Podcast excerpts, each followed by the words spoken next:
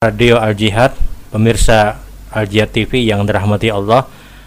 Kembali pada kesempatan hari ini insya Allah kita akan menjawab pertanyaan yang sudah dihadirkan. Assalamualaikum warahmatullahi wabarakatuh. Waalaikumsalam warahmatullahi wabarakatuh. Kalau ada orang yang berjualan di masjid, walaupun barang yang dia jual ditaruh di luar, tapi bayarnya di dalam masjid, apakah diperbolehkan? Walaupun barang yang dibawakan cuma menjualakan, tidak dapat untung. Apakah ini diperbolehkan? Barang di luar, terjadi transaksi di luar, kemudian bayarnya di dalam masjid. Kenapa? Masuk ke masjid kenapa? Ya, di luar aja langsung bayar. Ya artinya idealnya di luar, transaksinya di luar ya sudah dia di luar, tidak perlu untuk ke dalam.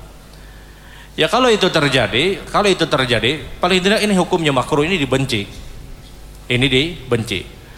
Harus dibedakan tentang Nabi Shallallahu Alaihi Wasallam beliau pernah bayar hutang di dalam masjid. Nabi itu pernah bayar hutang di masjid dan ini hukumnya boleh. Tapi bayar hutang dengan transaksi jual beli itu beda. Kalau transaksi jual beli itu terjadi keuntungan, ada untung yang didapatkan. Meskipun tadi ditanyakan bahwa saya, saya tidak dapat untung hanya sekedar menjualkan tapi si pemilik barang pasti dia punya untung. Dan ini tidak diharapkan. Artinya paling tidak ini hukumnya makruh. Paling tidak hukumnya makruh. Kalau bayar hutang itu hukumnya boleh. Bayar hutang itu hukumnya boleh sebagaimana perbuatan Nabi Shallallahu Alaihi Wasallam. Kenapa Nabi sampai memperbolehkan untuk membayar hutang di dalam masjid Pertama, membayar hutang di dalam masjid itu tidak terjadi keuntungan, tidak terjadi keuntungan antara si pemberi hutang. Dia tidak dia tidak punya keuntungan. Ini hanya kewajiban dari orang yang berhutang. Yang kedua adalah Rasul Shallallahu Alaihi Wasallam ingin ajarkan kepada kita kalau anda punya hutang maka segera bayar, segera bayar. Walaupun ketika itu mungkin terjadi di dalam masjid. Karena urgent dan pentingnya masalah hutang ini. 5 ribu, 10 ribu kalau kita punya hutang dan belum kita selesaikan kemudian kita diwafatkan oleh Allah dan tidak ada yang mengetahui hutang kita ahli waris kita tidak mengetahui ini berat nanti pada kehidupan akhirat. Satu keadaan yang dinyatakan Nabi Shallallahu Alaihi Wasallam kalau ada orang punya hutang kemudian dia enggan untuk membayarnya padahal dia mampu untuk membayar maka kata Nabi Shallallahu Alaihi Wasallam halal kehormatannya itu dihancurkan Orang ini boleh diriba kata Rasul. Ada orang punya hutang, dia mampu untuk membayar, dia mampu untuk membayar. Tapi dia tunda pembayaran tersebut. Dia tunda pembayaran tersebut. Kata Nabi Shallallahu Alaihi Wasallam, kehormatan dia itu halal untuk dihancurkan. Orang ini boleh diriba. Diriba dalam artian dia beritahu kepada orang lain hati-hati fulan fulan berhutang kada bayar. Boleh. Untuk menyelamatkan kaum muslimin yang lain untuk menyelamatkan kaum muslimin yang lain. Ini hukumnya boleh.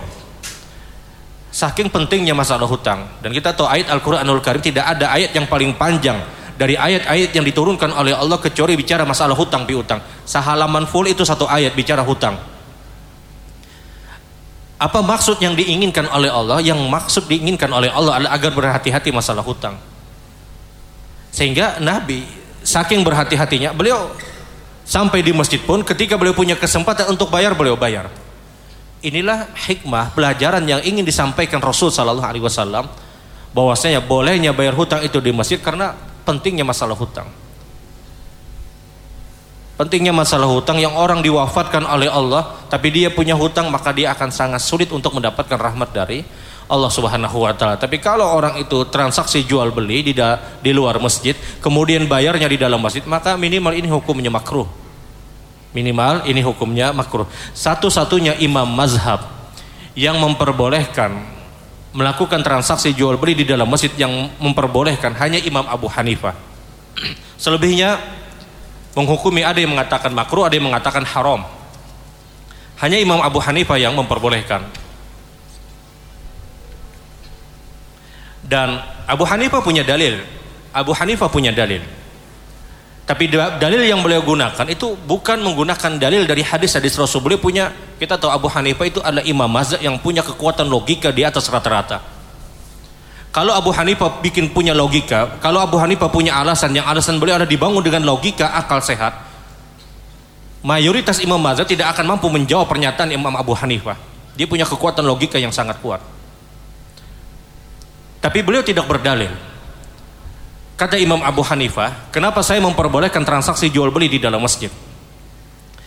Alasannya kata beliau adalah karena transaksi jual beli di dalam masjid yang dilarang itulah ketika mengganggu ibadah kita. Kalau tidak mengganggu ibadah kita kata Imam Abu Hanifah, maka hukumnya boleh. Apa bedanya kata Abu Hanifah dengan orang yang ngobrol berbicara di dalam masjid? Yang kadang pun pembicaraannya adalah pembicaraan di luar dari masalah akhirat, kadang pembicaraan apa masalah dunia. Apa bedanya kata Abu Hanifah? Orang melakukan transaksi, kemudian terjadi deal, kemudian disepakati harga.